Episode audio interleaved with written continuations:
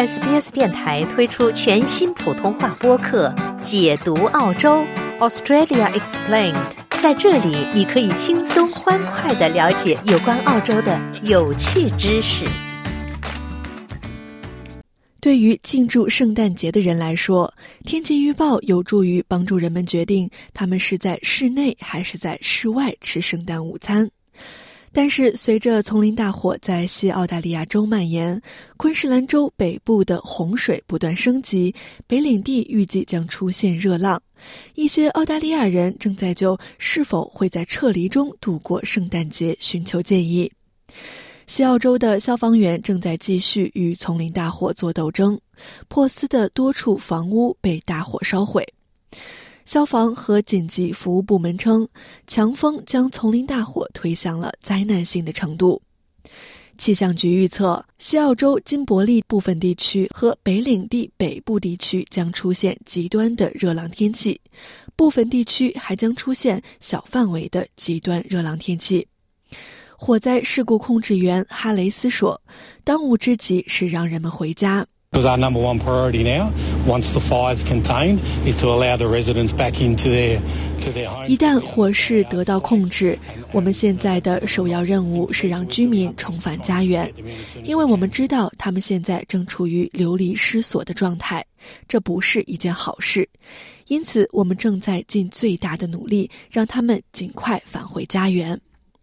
至于澳大利亚其他地区气象局的高级气象学家海因斯表示东部各州的暴风雨天气可能会持续。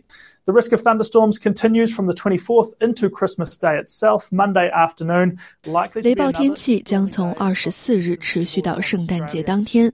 周一下午澳大利亚东部沿海地区可能又是一个暴风天气。东部许多地区将再次出现雷暴天气，昆士兰州和维多利亚州可能首当其冲。在昆士兰州北部，暴风雨可能导致洪水泛滥，其严重程度可与2000年和2009年的大洪水相比。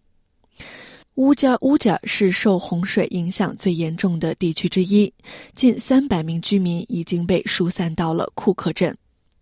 气象局的高级气象学家海因斯说，昆士兰部分地区的灾情可能会持续。Now, those are those storms that get so intense that they can bring damaging to destructive wind, heavy to locally. 预计昆士兰州与西南威尔士州交界处将出现强烈风暴，可能带来破坏性的大风、局部强降雨以及大冰雹，有时甚至是巨型冰雹。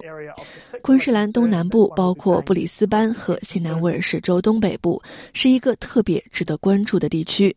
我们将密切关注这一地区。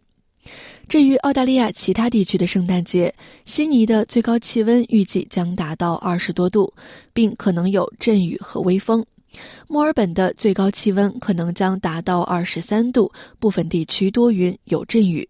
布里斯班预计下午有阵雨。珀斯部分地区多云，最高气温在三十度左右。